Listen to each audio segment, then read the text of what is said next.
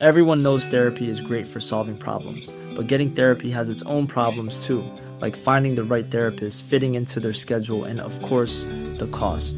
Well, BetterHelp can solve those problems. It's totally online and built around your schedule. It's surprisingly affordable too. Connect with a credentialed therapist by phone, video, or online chat, all from the comfort of your home. Visit betterhelp.com to learn more and save 10% on your first month. That's BetterHelp, H E L P.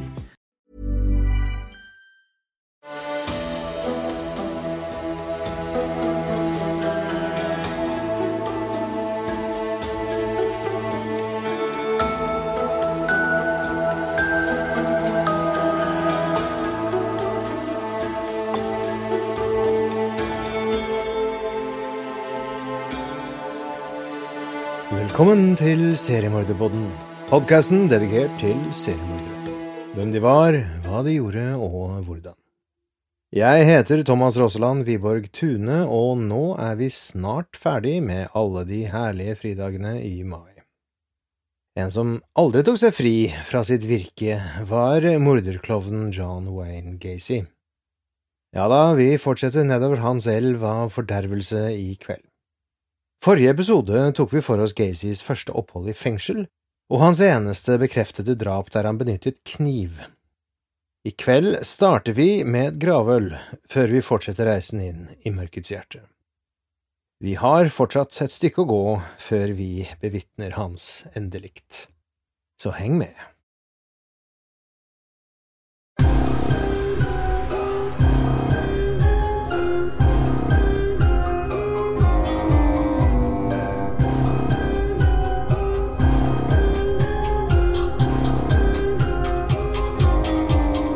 Gravølet til tante Pearl var et Gacy så på som nok en mulighet til å skaffe seg fordeler og å skaffe seg kontakter.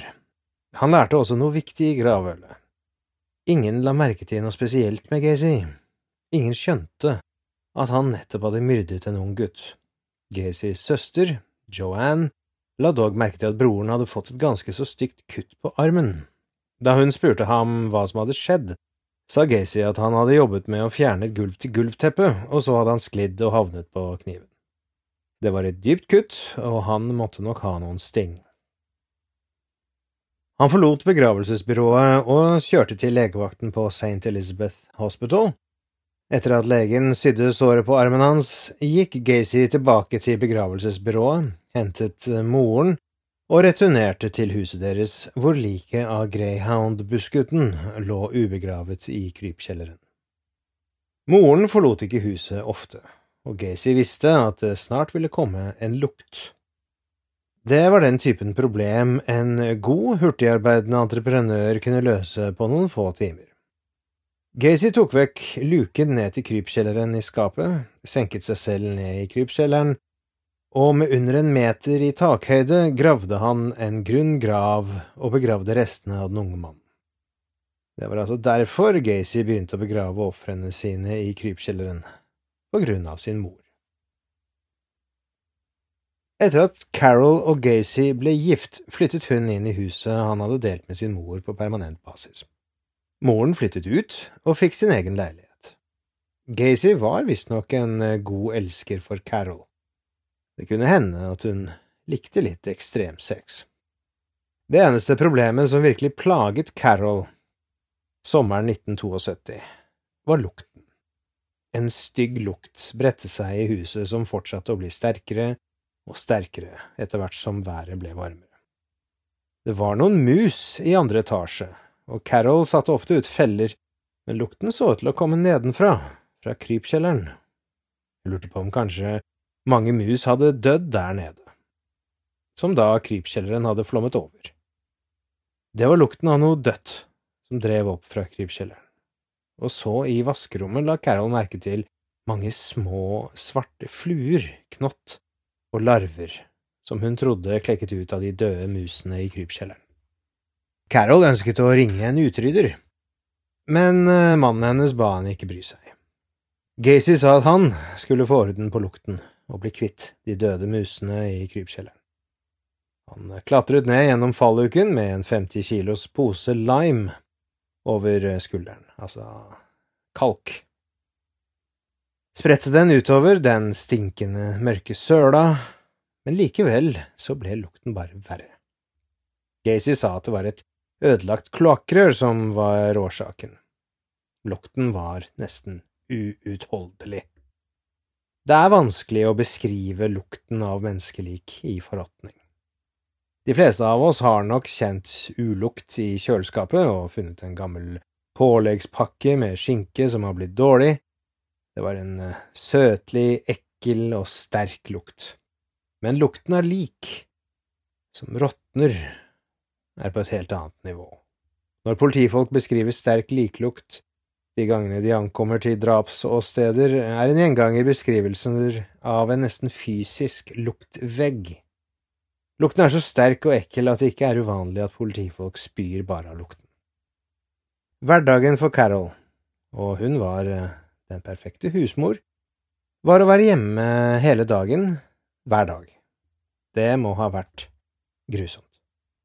Hun tryglet mannen sin om å få løst problemet, men han virket rett og slett uinteressert. Men en dag etter at Carol hadde vært ute på et ærend, kom hun hjem til et hus der lukten av død var mindre presserende. Gacy fortalte at han hadde lagt et lag med betong over sølegrunnen i krypkjelleren, og de håpet begge at dette ville løse saken for godt. Men selv om lukten var bedre, gikk den ikke helt vekk. Carol måtte leve med en konstant lett eim av kloakk.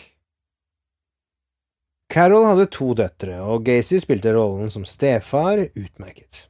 Han slo aldri jentene, og det var svært sjelden han hevet stemmen.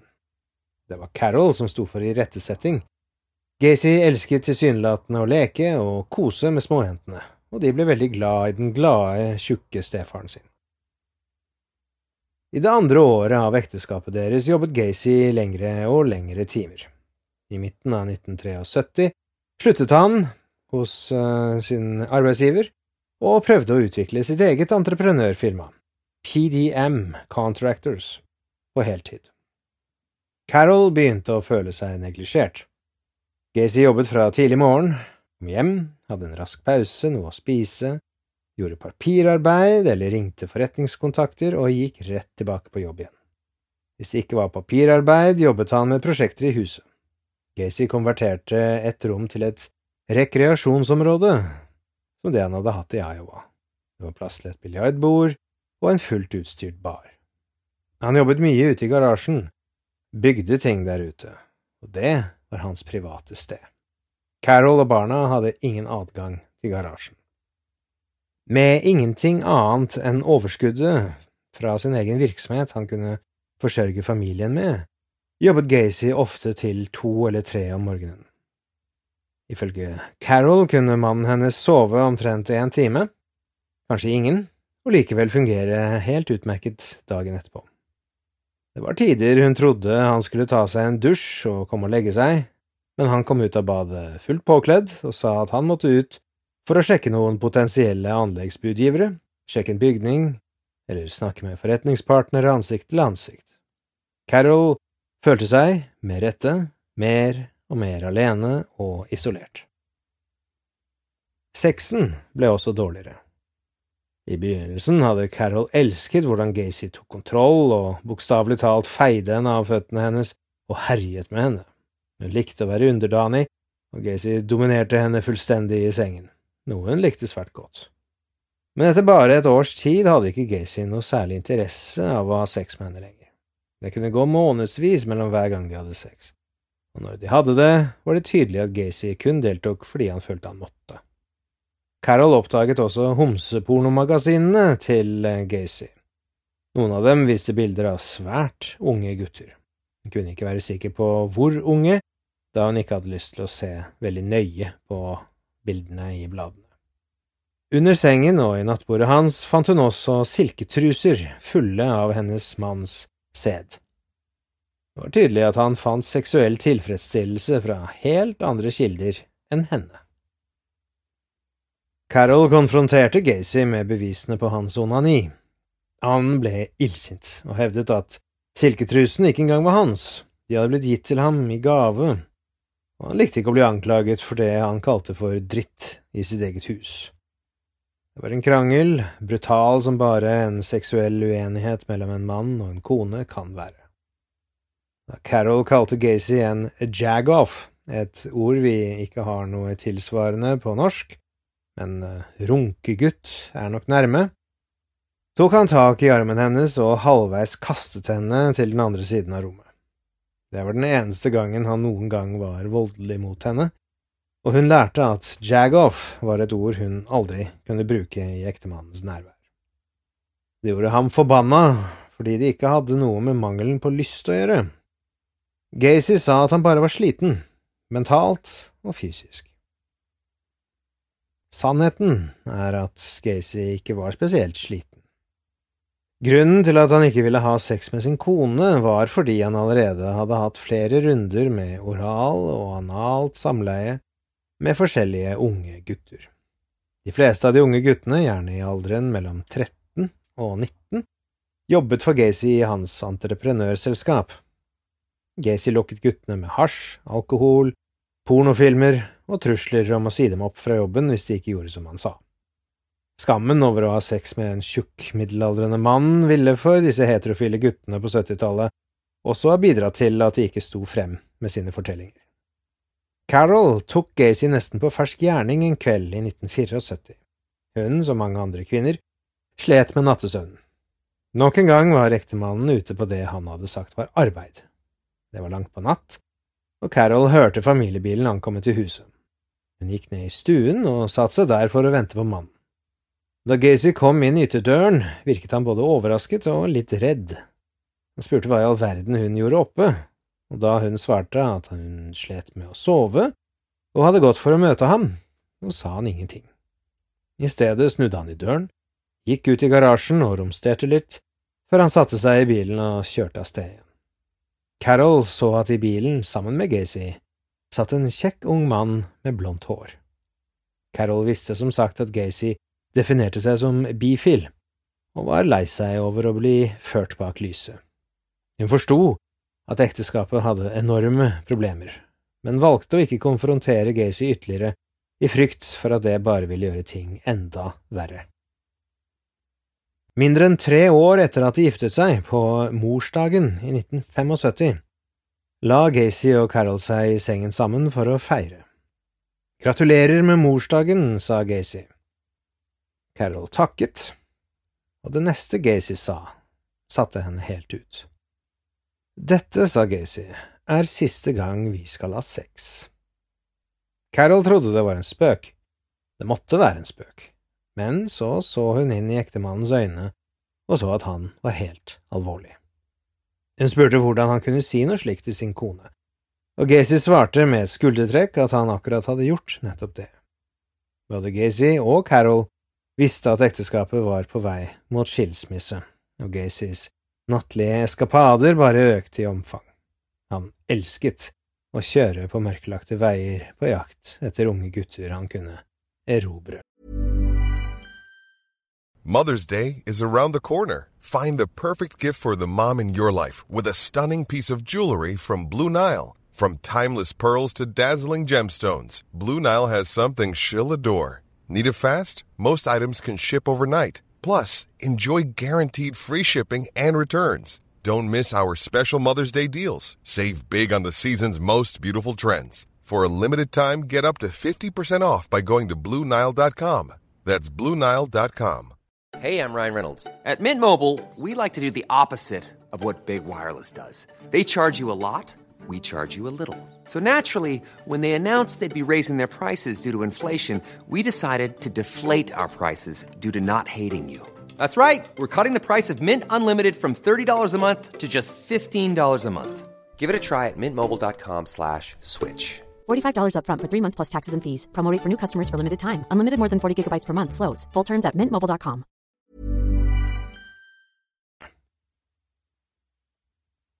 Mai 1975 Tony Antonucci møtte John Wayne Gacy mens han holdt på å ombygge huset til familien hans. Tony var 15, og Gacy tilbød ham en sommerjobb til tre dollar i timen. Han gjorde ofte det, leide inn gutter han nettopp hadde møtt. I slutten av mai satte Gacy unge Tony til å legge fliser, rørleggerarbeid, elektrisk arbeid og generell opprydding. Kort tid etter at han begynte å arbeide for Gacy, en gang i juni, hjalp Tony Gacy med å rydde opp i det demokratiske hovedkvarteret i Montrose Avenue. De jobbet alene, og klokken var rundt åtte om kvelden da Gacy begynte å gjøre seksuelle tilnærmelser. Gacy spurte først direkte om han kunne gi Tony en blowjob. Tony sa nei. Deretter tilbød han penger, rundt 100 dollar. Fortsatt sa Tony nei. Så truet Gacy Tony med at han ville miste jobben hans om han ikke lot Gacy utføre oralsex på ham. Tony svarte bare med et enkelt nei. Tilsynelatende lot Gacy saken ligge, og han fikk hendelsen til å virke som om det hadde vært en slags eksamen. Tony trodde sjefen hans hadde kommet med forslaget for å se hvordan han kunne takle press. Han visste at Gacy hadde en kone og to barn, og han hadde hørt ham komme med nedsettende kommentarer om, og her siterer jeg, sopere, sitat slutt. Tony trodde sjefen hans genuint testet ham. Men så begynte Gacy å ta tak i guttens skritt og rumpe, helt til Tony til slutt tok opp en stol og truet med å slå den i hodet på Gacy. Sjefen hans, Gacy, lo og spurte hvorfor Tony ikke bare hadde bedt han om å slutte. Det var jo bare en spøk, sa Gacy. Senere, etter jobb, tok Gacy med seg Tony ut for en hamburger og forklarte at hendelsen faktisk hadde vært nok en test av guttens moral. Han sa videre at han var den type sjef som trengte å vite om hans ansatte virkelig kunne takle press og stress. Omtrent en måned senere, i juli 1975, satt Tony i foreldrenes hjem. Moren og faren hans var på ferie. Tony hadde tråkket på en spiker på jobb dagen før, og Gacy visste at han var alene hjemme med en skadet fot. Så da Gacy banket på døren den kvelden, trodde Tony at sjefen hans bare var innom for å se om han hadde det bra. Det var rundt midnatt, og Gacy sa at han nettopp hadde vært på en fest. Han hadde med seg en flaske vin. Gutten og sjefen drakk litt av vinen, og etter omtrent en halvtime sa Gacy at han hadde sett noen pornofilmer på den festen han hadde vært på. Filmene og prosjektoren var i bilen hans, og han lurte på om Tony hadde lyst til å se. Tony sa, etter at Gacy maste, til slutt ok til det. Filmene var av den heterofile varianten som viste sex mellom menn og kvinner. Etter at de var over, grep Gacy etter gutten og begynte å bryte med ham. Tony var på skolens brytelag. Til å begynne med var det bare vanlig lekebryting. Gutten var forsiktig og ønsket ikke å ydmyke sjefen sin, men etter et minutt eller så kjente han at Gacy prøvde å få et håndjern på hans venstre håndledd. Tony svingte den andre armen rundt, men Gacy klarte å få tak i den, og klarte å få begge av Tonys håndledd i håndjern bak ryggen. De hadde vært i stående stilling, men nå slo Gacy gutten i gulvet. Tony lå med ansiktet opp, hendene i håndjern bak ryggen, og Gacy begynte å knappe opp skjorten hans og løsne buksene hans og dro buksene hans ned halvveis til knærne. Ingenting ble sagt. Gacy gikk inn på kjøkkenet. Tony visste ikke hvorfor Gacy dro dit, eller eh, hva han lette etter der inne. Gutten kunne kjenne at høyre håndjern var veldig løs på håndleddet, og klarte å få det av. Men han lå og ventet, og så på inngangen til kjøkkenet med hendene bak ryggen som om han fortsatt var i håndjern. Da Gacy kom tilbake inn i rommet, slo Antonuzzi ham med en fotballtakling rett i knærne. Gutten veide om lag 70 kilo, Gacy veide rundt 110 kilo, men Tony var aktiv bryter, og denne gangen kjempet han for alvor. Tony tok håndjernet som han fjernet fra høyre håndledd, og satte det på Gacys håndledd. Videre klarte han å få tak i nøkkelen til håndjernene, enten fra hånden eller lommen til Gacy, og låste opp håndjernet på det andre håndleddet sitt og festet det på Gacys andre hånd. Nå var det Gacy som lå på gulvet med hendene låst bak ryggen. Til nå hadde ingen av dem sagt noen ting. Tony lot Gacy ligge på gulvet i over et minutt. Så begynte Gacy å snakke. Det første Gacy sa, overrasket Tony. Han sa, og her siterer jeg, Ikke bare er du den første som har klart å komme seg ut av håndjernene, du klarte også å feste de på meg. Sitat slutt. Etter at Gacy hadde snakket rolig til Tony en stund, ble han sluppet fri og dro fra hjemmet til Tony uten noe ytterligere drama. Omtrent en uke senere klarte ikke en annen av Gacys ansatte, John Butkovich, å komme seg ut av håndjernene. Han ble aldri sett i live igjen. John Butkovich var 16 og jobbet i en jernvarehandel da Gacy tilbød ham en jobb innen konstruksjon. Det var godt arbeid og god lønn for en gutt som ikke var ferdig med videregående. Butkovich lærte raskt og var en utrettelig gutt. Carol tenkte han var en veldig hyggelig gutt som ofte spiste middag med henne og Gacy. Noen ganger kom gutten innom for å hente lønnsslippen, og brukte en time eller to på å leke med Gacys døtre, Tammy og April, før han dro. John Butkovich og John Wayne Gacy. Carol kalte dem Store John og Lille John de kranglet noen ganger. Gacy kranglet alltid med tenåringsguttene han hyret inn for å jobbe for ham. Noen ganger ville argumentene utarte seg til brytekamper. Ikke alvorlige slåsskamper, men en slags bryting der Gacy bare rullet rundt på gulvet med en av sine ansatte. Gacy kranglet en del med Butkovich om penger, eller mer riktig om timene lille John krevde kompensasjon for. Gacy følte alltid at guttene han ansatte, satte opp for mange timer på timekortene de leverte. Lille John jobbet nesten et år for Gacy. I løpet av den tiden, da ekteskapet deres degenererte, reiste Carol mye med jentene sine. Hun dro til nærliggende Schaumburg for å besøke Karens familie før de flyttet, eller til Indiana for å besøke slektningene hennes der. I juli og august 1975 dro hun til Arkansas for å hjelpe Karen med å ta vare på Gacys mor etter at hun brakk hoften. Da hun kom tilbake fra den turen, fortalte Gacy at lille John hadde sluttet, kanskje rømt hjemmefra. Hun så aldri lille John igjen. John Butkovich var hjemme tidlig på kvelden og klaget over at Gacy ikke hadde gitt ham en sjekk for hans siste to ukers arbeid. Faren hans, Marco, en jugoslavisk immigrant, hadde investert i flere leilighetsbygg. John, hans sønn, bodde husleiefritt i en av de eldste leilighetsbygningene han eide. Etter å ha visst litt om hvordan systemet fungerte i det nye landet, foreslo faren at hvis Gacy ikke betalte, skulle Butkovic senior true med å informere myndighetene om at sjefen til sønnen hans ikke trakk skatt fra ansattes inntekter, slik loven krever. John Butkovic og to venner dro til Gacys hus den samme kvelden. Slik Gacy husker det, var Carol på et av besøkene sine da Butkovic ankom til huset med tre venner og høylytt krevde å få betalt. Gacy tilbød guttene en drink, mens han romsterte i papirene på kontoret sitt. Da han kom inn i stua igjen, hadde ting roet seg noe. Gacy fortsatte å fòre guttene med både whisky, marihuana og øl, til de var alle sammen godt beruset. Gacy hevdet i senere intervjuer at han også var blitt kraftig beruset, men jeg, kjære lytter, har mine tvil. Etter at de tre guttene hadde dratt, var Gacy rasende. Ingen skulle kunne komme til hans hus og true ham, spesielt ikke en drittunge som John Butkovich. Etter en stund satte Gacy seg i bilen og bestemte seg for å cruise etter gutter han kunne voldta. Til sin overraskelse så han at Butkovic gikk ut av en bil i en sidegate og var alene. Gutten var dritings og snøvlet til Gacy at han ville snakke mer med ham. Gacy åpnet velvillig døren, og gutten ramlet inn. Da Gacy kjørte vekk, snøvlet gutten i vei om hvordan Gacy skyldte ham penger, og at han lett kunne banke opp Gacy på egen hånd hvis det ble nødvendig. Gacy bare lo av gutten og ristet på hodet. Inni seg sydet han av raseri.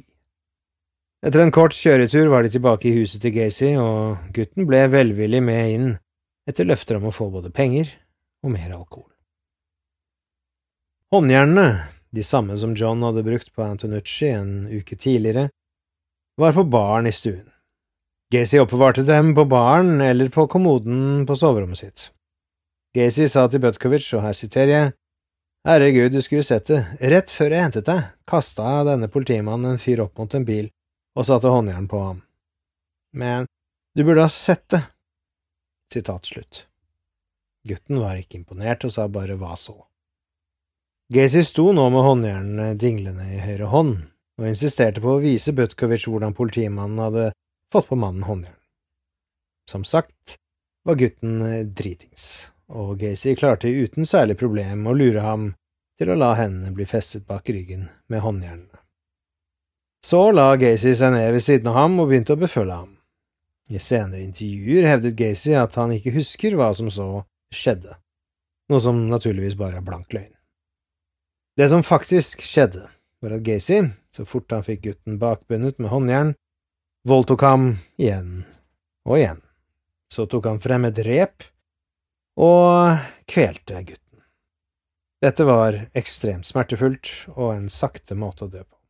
Gutten tisset på seg, og hadde det ikke vært for at repet sørget for at han ikke kunne slippe ut en lyd, hadde han hylt i smerte og i redsel. Da Gacy var sikker på at gutten var død, gikk han og la seg og sov som en sten til neste morgen. Denne gangen hadde han ikke noe blodsøl å bekymre seg over, bare litt piss som lett lot seg vaske vekk. Det var selvfølgelig arbeid å gjøre. Gacy gikk inn i garasjen og fant en gummipresenning. Han tok med seg presenningen inn i huset, rullet liket inn i den og dro den ut til sin private arbeidsplass i garasjen. Gacy forlot liket i garasjen, pakket inn i gummipresenningen og lot det ligge der for en dag eller to. Garasjen til Gacy var i et lavtliggende område, og husene over gaten ble bygget høyere opp, så vannet rant nedover, i garasjen så vel som inn i krypkjelleren i huset. Gacy hadde satt opp sementvegger rundt garasjen, noe som gjorde at den holdt opptil 30 cm med vann om våren. Men Gacy hadde planlagt for oversvømmelsen. Da han helte sementen, hadde han sperret av ett område og etterlot bare en liten firkant med skitt der han hadde til hensikt å grave et avløp, slik at han ikke måtte vasse gjennom garasjen for å hente verktøyene sine. Det første han måtte gjøre, ville være å grave den lille firkanten dypere. Gacy tok av guttens klær der i garasjen, så det ikke skulle være lett å identifisere han. Han måtte grave under fundamentet fordi hullet ikke var stort nok for Butkovic, som var nærmere 180 cm høy. Det var vanskelig å få hullet stort nok, så han måtte bøye liket, og på det tidspunktet var det stivt som et brett. Gacy fikk liket så vidt ned i hullet og måtte hoppe opp og ned på liket til gutten for å brette det i to og få det dypt nok. Så helte Gacy sement over og ned i hullet, glattet det over, og vips trengte han ikke tenke på lille John lenger. Hi, I'm Daniel, founder of Pretty Litter. Did you know cats tend to hide symptoms of sickness and pain? I learned this the hard way after losing my cat, Gingy. So I created Pretty Litter, a health monitoring litter that helps detect early signs of illness by changing colors, saving you money and potentially your cat's life. Pretty Litter is veterinarian developed, and it's the easiest way to keep tabs on your fur baby's health right at home. Go to prettylitter.com and use code ACAST for 20% off your first order and a free cat toy. Terms and conditions apply. See site for details. Even when we're on a budget, we still deserve nice things. Quince is a place to scoop up stunning high end goods for 50 to 80% less than similar brands. They have buttery soft cashmere sweaters starting at $50, luxurious Italian leather bags, and so much more. Plus, Quince only works with factories that use safe, ethical, and responsible manufacturing. Get the high-end goods you'll love without the high price tag with Quince. Go to quince.com slash style for free shipping and 365-day returns.